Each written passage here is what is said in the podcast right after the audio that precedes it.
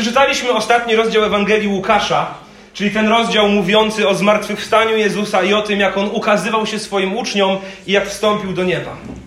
I niezwykle poruszające dla mnie jest to, nie wiem czy o tym wiecie, że prawdopodobnie właśnie dziś, 9 kwietnia, jest dokładna rocznica jego zmartwychwstania. Debata między biblistami toczy się o to, czy wydarzyło się to w roku 30 czy 33. Dlatego, że tam dni yy, kojarzycie, że tam jest rok przestępny i tak dalej, i tak dalej. Nazbierało się trochę tych lat przestępnych. Więc nie jesteśmy pewni, czy to był rok 30 czy 33. Jeśli był to rok 33, to było to 5 kwietnia, natomiast jeśli był to rok 30, to było to 9 kwietnia. Być może właśnie dzisiaj jest 1993 rocznica dokładna Zmartwychwstania Pańskiego. Czy to nie jest niezwykłe? Absolutnie jest. Niesamowite. Dokładnie w ten dzień prawdopodobnie się spotykamy. Chciałbym na podstawie tego 24 rozdziału całego wygłosić kazanie, dlatego że y, mamy tutaj cztery sceny. Y, cztery sceny, które, na które możemy spojrzeć, aby dostrzec to, w jaki sposób zmieniło się, zmienił się strach, skonfudowanie, zwątpienie uczniów na początku tego rozdziału, zmieniły się w radość i odwagę na końcu tego rozdziału. Po tym, jak zostało im to udowodnione poprzez dowody, które mieli przed sobą, kiedy Jezus im się objawił, i poprzez świadectwo Pisma Świętego, zrozumieli, że Jezus faktycznie zmartwychwstał i ich emocje i nastawienie zmieniło się diametralnie. To oni byli świadkami Jego zmartwychwstania. I to oni zdecydowali się poświęcić swoje życie, aby zanieść wiadomość o tym, że Jezus naprawdę zmartwychwstał po krańce ziemi, czego, yy, czego owocem również jesteśmy my dzisiaj. 1990 albo 1993 lata po zmartwychwstaniu Chrystusa. Ta wieść dalej rozpala serca wielu ludzi. Jak już powiedziałem, mamy w tym tekście cztery sceny.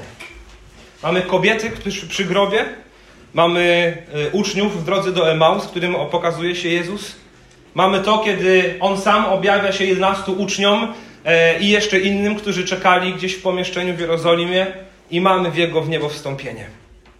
Zanim omówimy ten rozdział, przypomnijmy sobie bezpośredni kontekst tego, co się wydarzyło, a co czytaliśmy w piątek wieczorem. Rozdział 23 Ewangelii Łukasza kończy się tym, że człowiek imieniem Józef z Arymatei poprosił Piłata o ciało Jezusa i złożył je w nowym grobie. W grobie, który pewnie nabył jakiś niedługi czas e, przed tym. Całość tego, e, tego pochówku widziały kobiety, które towarzyszyły Jezusowi w czasie jego służby.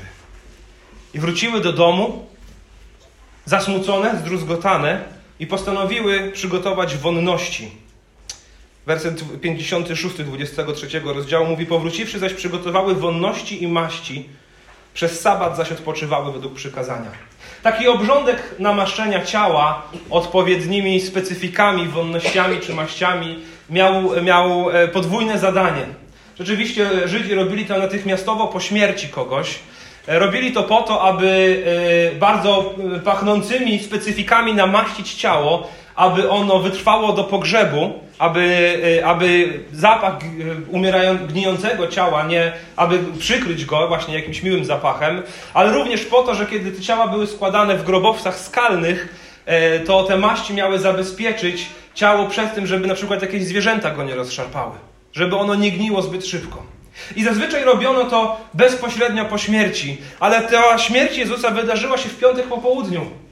Kiedy słońce zachodziło, następował szabat. Więc zakaz pracy nakazany przez, przez prawo mojżeszowe, przez prawo Starego Testamentu. Więc nie mogły tego zrobić wtedy. Poza tym Jerozolima była pełna pielgrzymów, którzy przybyli na święto Paschy. Mogły to zrobić w sobotę wieczorem, ale słońce zachodziło, a ciało było złożone w grocie, więc było ciemno. Postanowiły zatem, jak tylko zrobi się jasno, w niedzielę 1990 lub 1993 lata temu udać się do grobowca.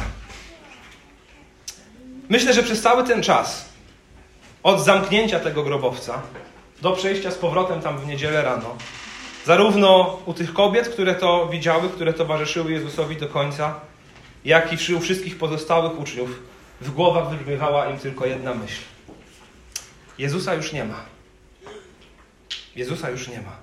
Przez trzy dni, piątek po południu, przez całą sobotę i niedzielny poranek, na pewno nie potrafili myśleć o niczym innym i na niczym nie potrafili się skupić, jak tylko o tym, że Jezusa już nie ma.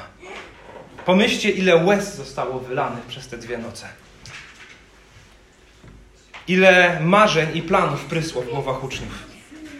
Ile zawodu i smutku było w tych sercach u ludzi, którzy, jak czytaliśmy przecież w Wąsoszu na naszym weekendzie zborowym, rzeczywiście zostawili wszystko dla Niego. Wszystko zostawili i poszli za Nim. I teraz nagle okazuje się, że Jezusa już nie ma. Właśnie wtedy, kiedy wydawało się, że nadchodzi Jego potężne zwycięstwo. Właśnie wtedy, jak czytaliśmy tydzień temu, kiedy tłumy wiwatowały na Jego cześć. Kiedy witano Go jak króla, kiedy wjeżdżał na osiołku do Jerozolimy. Kładziono przed Nim gałęzie palmowe i szaty, aby po nich przejechał. Wydawało się, że zwycięstwo jest blisko. I po kilku dniach Jezus zostaje pojmany, zdradzony przez jednego z najbliższych współpracowników, skazany w karykaturalnym procesie sądowym, ukrzyżowany rękoma pogańskich żołnierzy i umiera. Co im towarzyszyło przez te trzy dni? Jestem przekonany, że smutek, niezrozumienie, zwątpienie i absolutne poczucie całkowicie rozsypanego życia. Jezusa już nie ma. Myślę, że to było zdanie, które najczęściej wypowiadali albo słyszeli w swoich głowach. Ale tak się nie kończy Ewangelia. Ale tak się nie kończy życie Chrystusa. W wersetach 1 do 3, 24 rozdziału przeczytaliśmy, że te właśnie kobiety, wytrwałe, mocne, silne kobiety, nie jak mężczyźni, tak to i dzisiaj dalej chyba w życiu jest, że kobiety są twardsze od mężczyzn w wielu kwestiach. Mężczy, mężczyźni gdzieś tam się schowali, załamali, ale kobiety wiedziały, że mają pracę do wykonania. Wczesnym rankiem przyszły na cmentarz i zastały kamień odwalony od grobowca. Taki kamień był bardzo ciężki. Prawdopodobnie był to po prostu, było to ogromne kamienne koło, które zataczano u wejścia do groty. Inna Ewangelia mówi, że kiedy szły tam na ten cmentarz, zastanawiały się, kto im pomoże ten kamień przesunąć. Bo rzeczywiście, jeśli było kilka osób, można było go przetoczyć. I przychodzą na miejsce i jak się okazuje, w wersecie drugim kamień zastały odwalony od grobowca. I werset trzeci mówi, a wszedłszy do środka, nie znalazły ciała Pana Jezusa. I werset czwarty mówi nam, że były z tego powodu jakie? Spójrzcie na swój tekst. Zdjęte strachem albo zakłopotane. Zakłopotane. Krążek, wejście odwalone, przesunięte, to, to koło kamienne. Grób pusty. W środku nic nie ma oprócz szat, jak się dowiadujemy z innych wersetów. Były zakłopotane i, na to, i nagle stanęli przed nimi dwaj mężczyźni w lśniących szatach. To oczywiście aniołowie. I co się wtedy wydarzyło? Jak zobaczyli tych aniołów? Zatrwożyły się, mówi przekład, z którego korzystam dzisiaj. Zatrwożyły się, przestraszyły i schyliły swoje twarze ku ziemi. A oni rzekli do nich: Dlaczego szukacie żyjącego wśród umarłych? Wspomnijcie, jak mówił wam, będąc jeszcze w Galilei, że syn człowieczy musi być wydany w ręce grzesznych ludzi i musi być ukrzyżowany, a trzeciego dnia powstać. Zwróćcie uwagę na słowa tych aniołów. One są przestraszone, nie rozumieją tego, co się dzieje. I ci aniołowie mówią do nich: Przypomnijcie sobie jego słowa. Oni nie są oburzeni ich niewiarą, nie są oburzeni ich niezrozumieniem. Mówią: Przypomnijcie sobie, co wam mówił Jezus. Przypomnijcie sobie Jego słowo. Przypomnijcie sobie Jego obietnicę. I w wersecie 8 czytamy, że rzeczywiście to zrobiły. Wspomniały na Jego słowa. I natychmiastowo przestały Go szukać, bo przekonały się, że to, co widziały, jest rzeczywistością, pusty grób. I w wersecie 9 pobiegły do uczniów, do jedenastu i pozostałych, którzy byli z nimi, aby o to opowiedzieć apostołom. Wydawałoby się, że jeśli ktoś przybiegnie w niedzielny poranek do apostołów, do uczniów Jezusa i powie: Słuchajcie, grób jest pusty. Pamiętacie, jak Jezus mówił, że zmartwychwstanie? Zmartwychwstał. Wydawałoby się, że wpadną w euforię. Tak mi się przynajmniej wydaje, że, że, że wypadałoby jakoś tak zareagować. Natomiast zwróćcie uwagę na werset 11. Jak zareagowali uczniowie? Lecz słowa te wydawały im się niczym baśnie i nie dawali im wiary. Prawdziwi sceptycy. Zatytułowałem to kazanie właśnie Jezus dla sceptyków. Prawdziwi sceptycy. Oni mówią to bajki. To baśnie. To jakieś micy nam tutaj opowiadacie, drogie panie. Piotr postanowił to sprawdzić i w wersecie 12 widzimy, że pobiegł do grobu. Nachylił się, ujrzał jedynie leżące prześcieradła i wpadł w euforię i radość. Tak mówi werset 12? A co mówi? Odszedł do siebie, dziwiąc się temu, co się stało. Więc pobiegł na miejsce, rzeczywiście było tak, jak przekazały to kobiety. Efekt, jaki wywołało to w Piotrze? Radość? Zaczął skakać, mówić hurra, Jezus jednak żyje? Nie.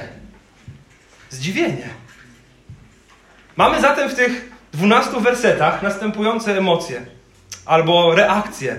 Zakłopotanie, zatrwożenie, brak wiary. Wydawało mi się, że są bajki i zdziwienie. Jakże różne emocje i reakcje od tych, które zobaczymy w dalszej części tego rozdziału i od tych, które zobaczymy w dalszej części całego Nowego Testamentu. Dlatego, że ten sam Piotr, który tutaj jest zdziwiony, ten sam Piotr, który nie dowierza, jest tym Piotrem, który wcześniej zaparł się Jezusa. Był załamany całą tą sytuacją, ale to jest też ten sam Piotr, który za 47 dni od tego zmartwychwstania, czyli w dniu pięćdziesiątnicy, 50 dni po pastrze, po napełnieniu Duchem Świętym, stanie z odwagą w sercu Jerozolimy i nie bacząc na nic, zacznie wołać do zgromadzonego tam tłumu, mówiąc: Tego to Jezusa wzbudził Bóg, czego my wszyscy świadkami jesteśmy. Niechże tedy wie z pewnością cały dom Izraela, że i Panem, i Chrystusem uczynił go Bóg, tego Jezusa, którego wy ukrzyżowaliście. Mówią o tym dzieje apostolskie, drugi rozdział. Z odwagą, nie ze strachem.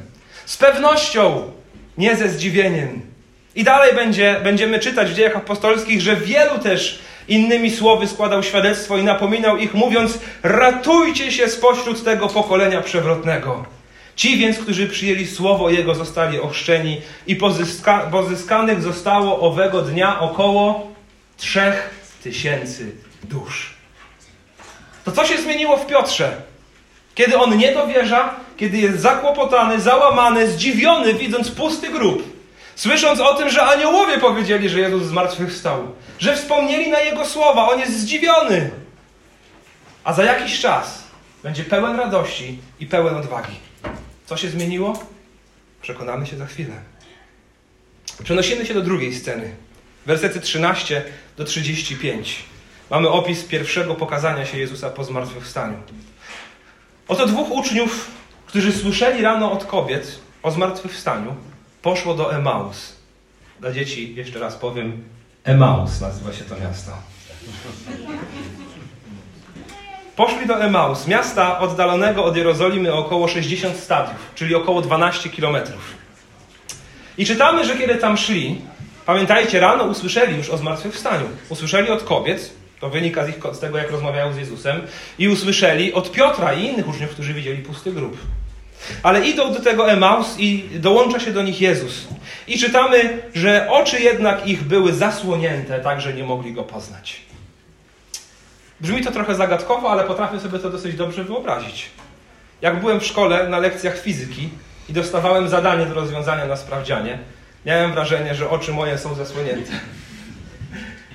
I wielu innych patrzyło na te zadanie i znało odpowiedzi i rozwiązywali to, co jest tam napisane, a ja patrzyłem się na ten tekst, na te cyferki, na te znaki matematyczne i oczy moje były zasłonięte.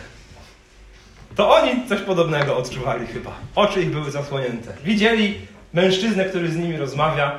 I było to oczywiście zamierzone przez Jezusa, że oczy ich miały być zamknięte, ale, ale właśnie nie rozpoznali go. Zwróćcie uwagę znowu na emocje, jakim towarzyszą. Werset 17 mówi o tym, co oni odczuwają. Końcówka wiersza 17. Co odczuwają? Jacy są? Przygnębieni. Słyszeli o zmartwychwstaniu już od kilku świadków, o tym, że grób jest pusty, o aniołach. I oni są przygnębieni. Wciąż uważali, że to chyba jakieś bajki, bo przecież widzieli Jego śmierć. Widzieli Jego śmierć. To niemożliwe, aby w to uwierzyć. Nawet gdy inni mówią, że On zmartwychwstał. I ciekawe jest to, bardzo mi się to podoba, jak Jezus zaczyna z nimi toczyć pewną grę, udając, że nie ma pojęcia, co ich sprawia w takie przygnębienie. Wersety 18 i 19. A odpowiadając jeden z tych uczniów imieniem Kleopas, rzekł do niego, czyś ty jedyny pątnik w Jerozolimie, który nie wie, co się w niej w tych dniach stało? Rzekł im, co? Jakoś bawi mnie to, ta właśnie taka ironia w głosie Jezusa, bo nagle Kleopas zaczyna opowiadać Jezusowi o tym, jak Jezus został zdradzony, wydany na śmierć i ukrzyżowany. I w tym wszystkim jest załamany. I mówi o tym Jezusowi. Niezwykła jest ta ironia. I zobaczcie, w wersecie 21 pada podsumowanie tego, dlaczego oni są przygnębieni.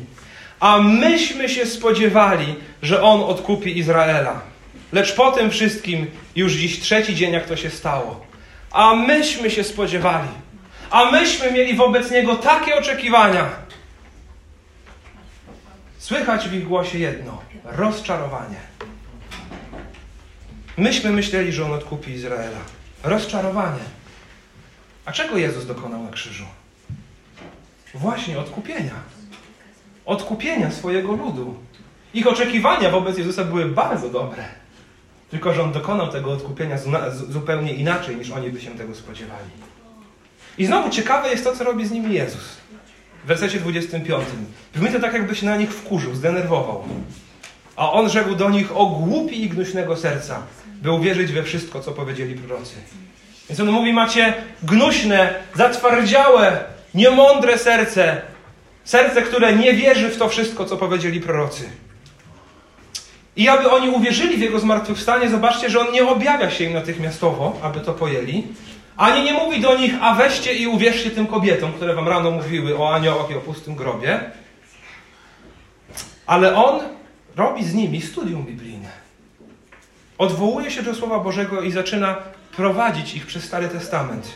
Werset 27. I począwszy od Mojżesza, poprzez wszystkich proroków, wykładał im, co o nim było napisane we wszystkich pismach. Jezus skierował ich do pisma i do różnych jego części. Do Mojżesza, czyli do pięcioksięgu, i do ksiąg prorockich. I pieczołowicie wykonał z nimi pewną pracę, którą myślę, że można nazwać pracą intelektualną ze słowem, aby wykazać, że śmierć i zmartwychwstanie Mesjasza było zapowiedziane przez Pismo. Nie wiemy, jak długo trwała to podróż. Nie była bardzo długa, 12 kilometrów. Pewnie szli, szli, nie wiemy w którym momencie się do nich dołączył Jezus. Zajęło im to pewnie godzinę, może dwie. I w czasie tej podróży ich postrzeganie tego, co się wydarzyło, zaczęło się zmieniać. Zaprosili Jezusa, aby został z nimi na kolacji.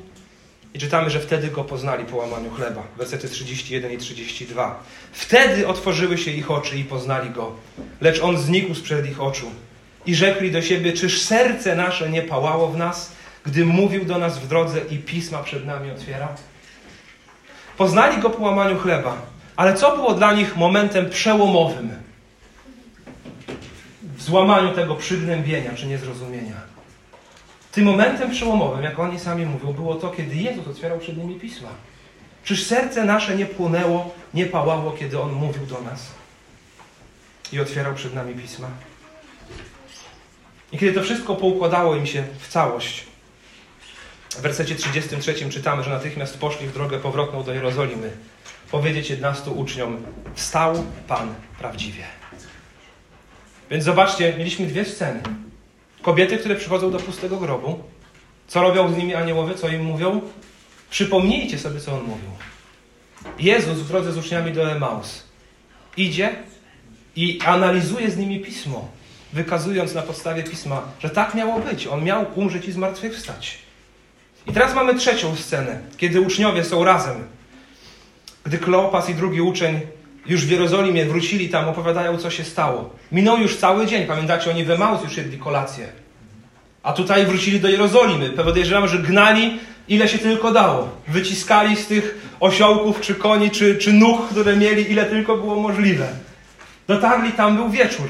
Więc minęło już pewnie kilkanaście godzin od wieści od kobiet i od aniołów, że Jezus zmartwychwstał, do tego, że wielu innych obejrzało ten pusty grób, bo czytamy w innych Ewangeliach, że był tam Piotr, Jan i jeszcze inni.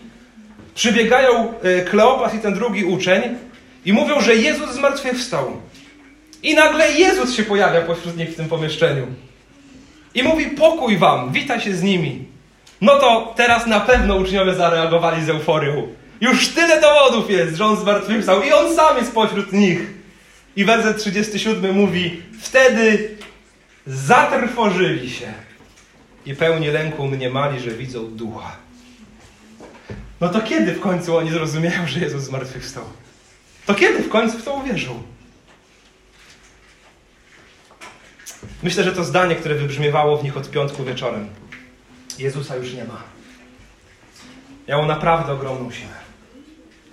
A trzy dni spędzone na załamaniu, na płaczu, na łzach, na próbie zrozumienia tego, co się wydarzyło, doprowadziły do tego, że naprawdę ciężko było im uwierzyć, że Jezus zmartwychwstał.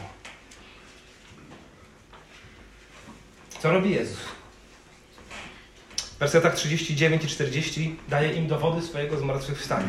Zobaczcie, pokazuje swoje ręce, pokazuje swoje nogi, że one są przebite, że to naprawdę jest On, że On naprawdę umarł i że On naprawdę zmartwychwstał. I wtedy w wersecie 41 zaczyna się coś zmieniać. Lecz gdy oni jeszcze nie wierzyli z radości i dziwili się, już jest radość, już zaczynają pojmować, że to chyba Jezus, ale wciąż jeszcze nie wierzyli z radości i dziwili się.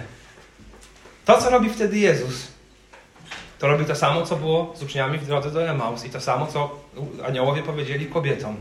Czytamy o tym w wersecie 44. Potem rzekł do nich, to są moje słowa, które mówiłem do was, będąc jeszcze z wami, że się musi spełnić wszystko, co jest napisane o mnie w zakonie Mojżesza i u proroków i w psalmach. Więc Jezus dał im dowody swojego zmartwychwstania. Pokazał swoje ciało, ale na tym się nie zatrzymał. I znowu im powiedział: Przypomnijcie sobie, co do Was mówiłem, że jest o mnie napisane u Mojżesza, u proroków i w psalmach, że cały Stary Testament o mnie mówi, o tym, że miałem umrzeć i że miałem zmartwychwstać. Ponownie, po raz trzeci kieruje ich do słowa, do dowodów, które są w Piśmie Świętym, w Starym Testamencie. I czytamy, wtedy otworzył im umysły, aby mogli zrozumieć Pisma. I rzekł im, jest napisane, że Chrystus miał cierpieć i trzeciego dnia zmartwychwstać. Więc można powiedzieć, że Jezus zlitował się nad nimi. Okazał im łaskę, otworzył w końcu ich umysły, ich oczy i mogli zrozumieć Pisma. I w końcu to zrozumieli. Ale co jeszcze mówi to Pismo Starego Testamentu? Że On miał umrzeć, zmartwychwstać Jezus mówi w 47 wierszu i że począwszy od Jerozolimy, w imię Jego ma być głoszone wszystkim narodom upamiętanie dla odpuszczenia grzechów. Wy jesteście świadkami tego. Wy jesteście tymi, którzy mają zaświadczyć, jak w sądzie, prawdę i tylko prawdę.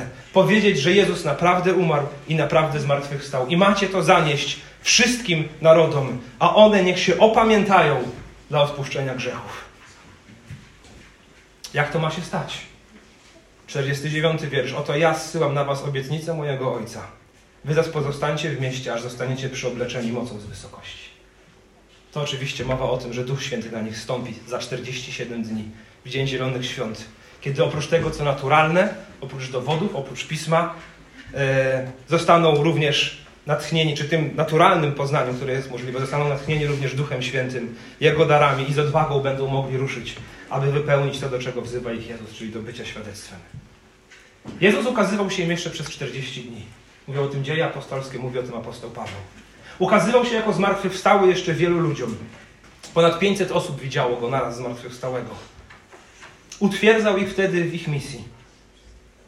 I zobaczcie, jak kończy się Ewangelia Łukasza. Scena czwarta, werset 50. I wywiódł ich aż do Betanii. A podniósłszy ręce swoje, błogosławił ich. I stało się, gdy ich błogosławił, że rozstał się z nimi. Chcę podkreślić to, to, to, to, to zdanie, czy to stwierdzenie, rozstał się z nimi. Odszedł od nich. Tak naprawdę w ich głowach po raz drugi powinno się pojawić Jezusa już nie ma.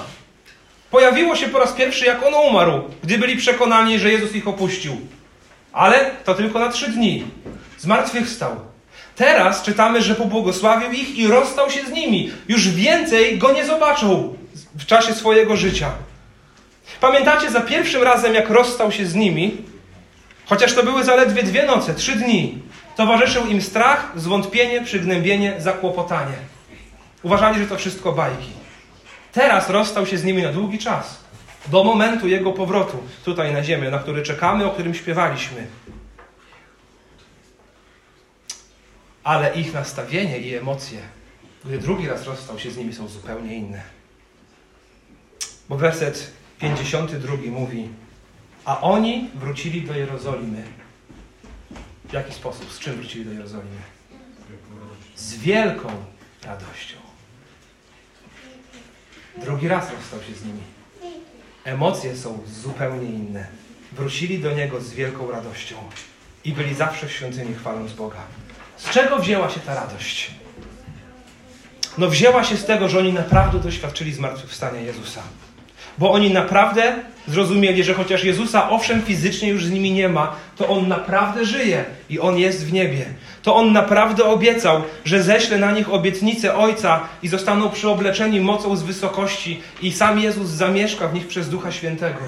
I chociaż fizycznie Go już z nimi nie ma, to On jest Panem Panów i Królem Królów jest razem z nimi przez swojego ducha i teraz oczekują na jego powtórne przyjście albo na spotkanie z nim po śmierci. I chociaż nie widzą go swoimi oczami, i chociaż nie słyszą go swoimi uszami, i chociaż nie mogą go dotknąć swoimi rękami, to wiedzą, że spotkają go ponownie, bo Jezus żyje. I ta właśnie perspektywa spotkania Jezusa ponownie napędziła ich do tego, by stać się świadkami Jego zmartwychwstania na całym świecie. Każdy z tych jedenastu apostołów i zdecydowana większość uczniów Jezusa, którzy widzieli Go zmartwychwstałego, zapłaciła życiem za to, że mówili o tym, że Jezus zmartwychwstał. Umarli i wielu z nich śmiercią męczeńską i bolesną. Tradycja i niektóre dowody historyczne mówią o tym, że niektórzy byli ukrzyżowani tak jak Jezus, inni byli ukrzyżowani do góry nogami. Pismo Święte mówi, że Jakub został ścięty mieczem. Niektórzy zginęli zamordowani przez rzymskich żołnierzy, Niektórzy, e, o niektórych apostołach mówi się, że podróżowali do Etiopii lub do Indii i tam również zginęli brutalną śmiercią z rąk ludzi, którzy tam mieszkali. Jan jako staruszek umarł samotnie na wyspie Patmos na wygnaniu. Byli gotowi spędzić swoje życie, które było życiem trudnym. Nikt z nich nie dorobił się pieniędzy. Nikt z nich nie miał realnego wpływu czy władzy. Każdy z nich, prawie każdy z nich zginął brutalną śmiercią i byli gotowi żyć tak i umrzeć tak, bo byli pewni, że Jezus zmartwychwstał. I że to Jego zmartwychwstanie jest zgodne takiego życia i jest zgodne tego, aby spotkać się, jest, czy takie życie jest warte tego, aby spotkać się z Nim w wieczności. Że zmartwychwstanie to nie bajka i mit. Współcześni i nie tylko współcześni krytycy próbują znaleźć inne wyjaśnienie. Bo jeśli Jezus naprawdę zmartwychwstał, nie da się przejść obok tego obojętnie. Więc wielu sceptyków, krytyków chrześcijaństwa mówią, to nieprawda, co mówią Ewangelie, to bajki albo to mity. Ale Ewangelie nie są mitem i nie noszą znamion mitów, jakie znamy w innych opowieściach o powstaniu innych religii. Ewangelie są zupełnie inne. Ewangelia Łukasza została spisana przez lekarza, który dba bardzo szczegółowo i pieczołowicie o przedstawienie imion postaci, miejsc i dat. I wszystko to, o czym pisze, rzeczywiście znajduje pokrycie w historii.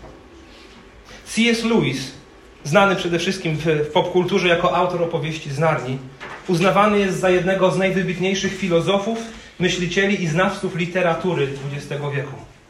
I Lewis e, w czasach studenckich był ateistą i sceptykiem. Jeśli chodzi o religię, e, to nawrócił się w czasach po studiach i między innymi przekonało go to, że jako krytyk literacki poddał badaniu takiej krytyki Ewangelię. I w wywiadzie dla BBC z dnia 19 lipca 1943 roku powiedział tak. Jestem krytykiem literackim i historykiem. Na tym polega moja praca.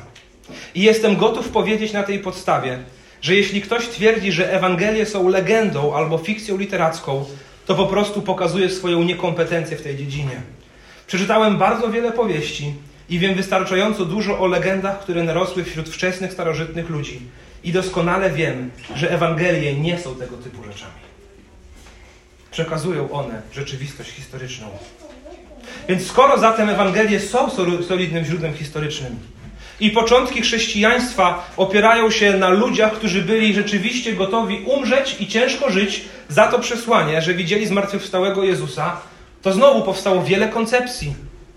Co to zrobić z tym, że oni głoszą zmartwychwstanie, umierają za to zmartwychwstanie, no ale przecież wiemy, że zmartwychwstania nie ma, bo świat naturalny pokazuje nam, że nikt nie zmartwychwstaje, mówią sceptycy. I są takie trzy popularne twierdzenia. Chcę Wam o nich krótko powiedzieć, zmierzając powoli do końca. Co mówią krytycy na temat zmartwychwstania? Bo uczniowie rzeczywiście umierali za to. Mamy dowody pozabiblijne, które mówią o tym, że chrześcijanie nie dawali się, wielu z nich od tego odciągnąć, że Jezus naprawdę zmartwychwstał. Są trzy popularne argumenty. Pierwszy jest następujący. Mówi, że Jezus tak naprawdę nie umarł. Że został zdjęty z krzyża i w grobie po prostu dokonała się resuscytacja i siły do niego wróciły. I wyszedł z tego grobu o własnych siłach, albo ewentualnie ktoś mu pomógł. No tak, tak jakby Rzymianie nie umieli ukrzyżować człowieka. Rzymianie pieczołowicie zadbali o to, aby sprawdzić, czy on umarł. Najpierw go wypostali, potem wycieńczyli, każąc mu nieść krzyż. Potem przebili jego bok, aby sprawdzić, czy umarł. Rzymscy żołnierze byli mistrzami w zadawaniu śmierci. Jak raz tego jednego mieliby przeoczyć. Druga koncepcja mówi, że kobiety pomyliły groby.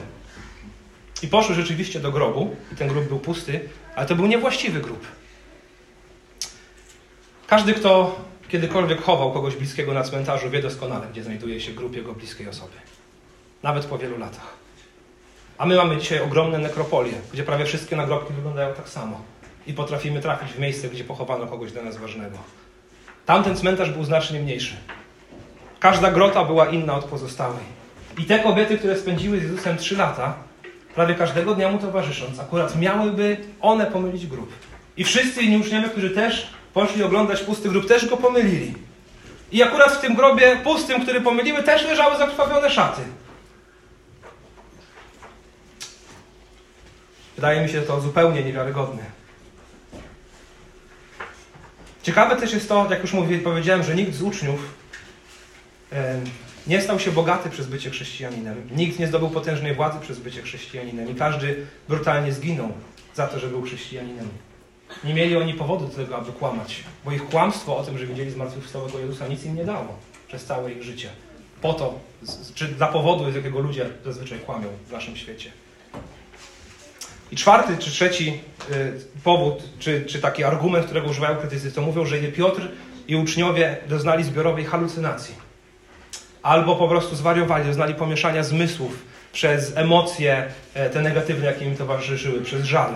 I wszyscy oni odeszli od zmysłów i wydawało im się, że widzieli Jezusa, ale tak naprawdę nigdy go nie widzieli. To po prostu była jakiegoś rodzaju schizofrenia. Odpowiedziałbym na to, każdy z Was, kto poznał jakąś osobę, która ma problemy psychiczne, po kilku minutach rozmowy z tą osobą wie, że to nie jest osoba, która pociągnęłaby za sobą tłumy. Pociągnęli oni za sobą tysiące i odmienili oblicze Cesarstwa Rzymskiego i ówczesnego świata. Czy osoby chore psychicznie rzeczywiście byłyby, umiałyby pociągnąć ze sobą tłumy?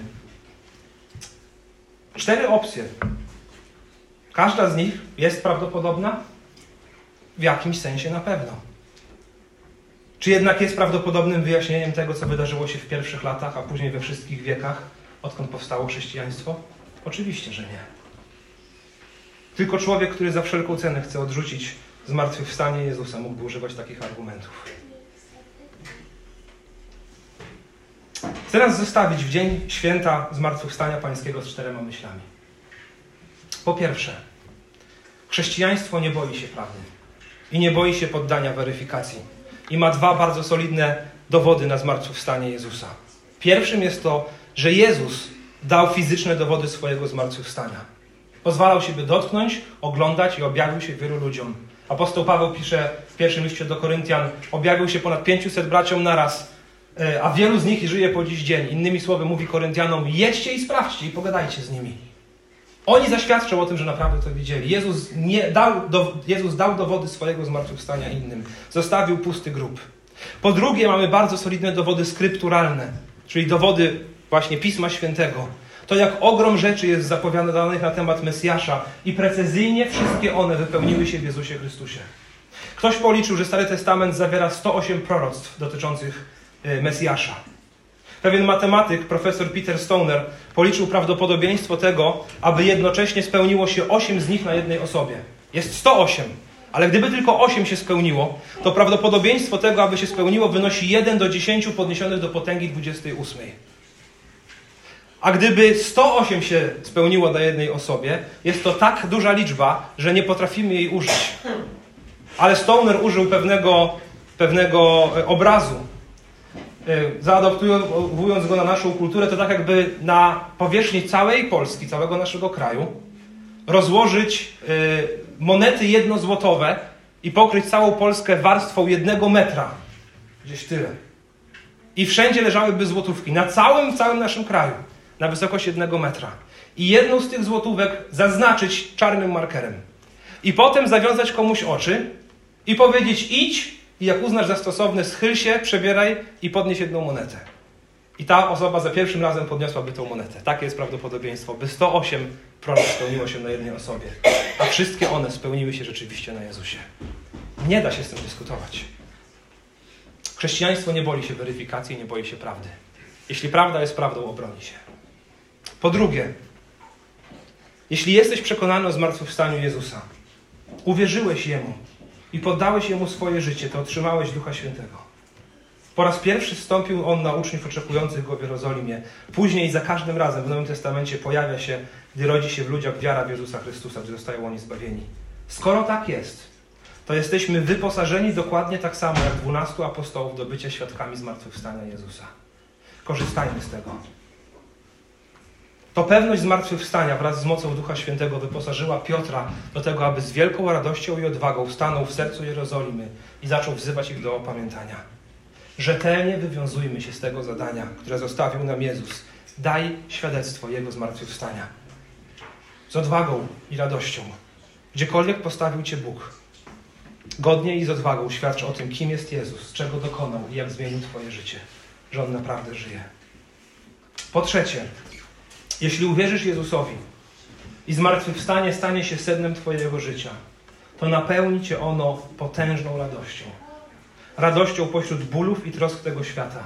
Dlatego, że zmartwychwstanie kieruje nasze oczy na zupełnie inną rzeczywistość niż ta, którą żyje ten świat. Kieruje nasz wzrok na wieczność. I po czwarte, ostatnie powiązane z tym wcześniejszym.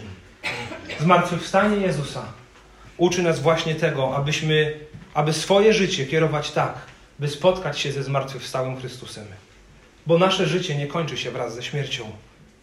Powstaniemy do życia i my w dniu ostatecznym. Przed nami cała wieczność, pełna doskonałego życia obok zmartwychwstałego Jezusa. Więc mądrze prowadźmy to życie, które mamy tutaj na ziemi. Świat nam mówi, żyj chwilą. Ale zmartwychwstanie nam mówi, żyj wiecznością. Świat nam mówi, żyj chwilą. Zmartwychwstanie Jezusa nam mówi, żyj wiecznością. Bo to właśnie świadomość tego, że Jezus naprawdę zmartwychwstał, że odszedł do nieba i że nastąpi spotkanie z Nim, zmieniła strach, smutek, zwątpienie uczniów w wielką radość, kiedy wrócili do swoich domów, do Jerozolimy. Po Jego śmierci w głowach mieli jedno. Jezusa już nie ma. Po Jego w niebo wstąpieniu wiedzieli, że Jezusa już nie ma z nimi fizycznie, ale ich emocje i nastawienie do życia zmieniły się diametralnie, bo wiedzieli, że swoje życie warto poświęcić na to, aby spotkać się ponownie ze zmartwychwstałym. Świat mówi, żyj chwilą. Zmartwychwstanie mówi, żyj wiecznością. Więc drodzy, nasze życie i nasza śmierć zmieniają się diametralnie, gdy mamy świadomość i wiarę i zaufanie w Jezusa, który umarł za nasze grzechy, zmartwychwstał i obiecał to samo tym, którzy w Niego uwierzą. Właśnie dla tej wiadomości żyli i umierali świadkowie zmartwychwstania. Pójdźmy i my w ich ślady. Amen.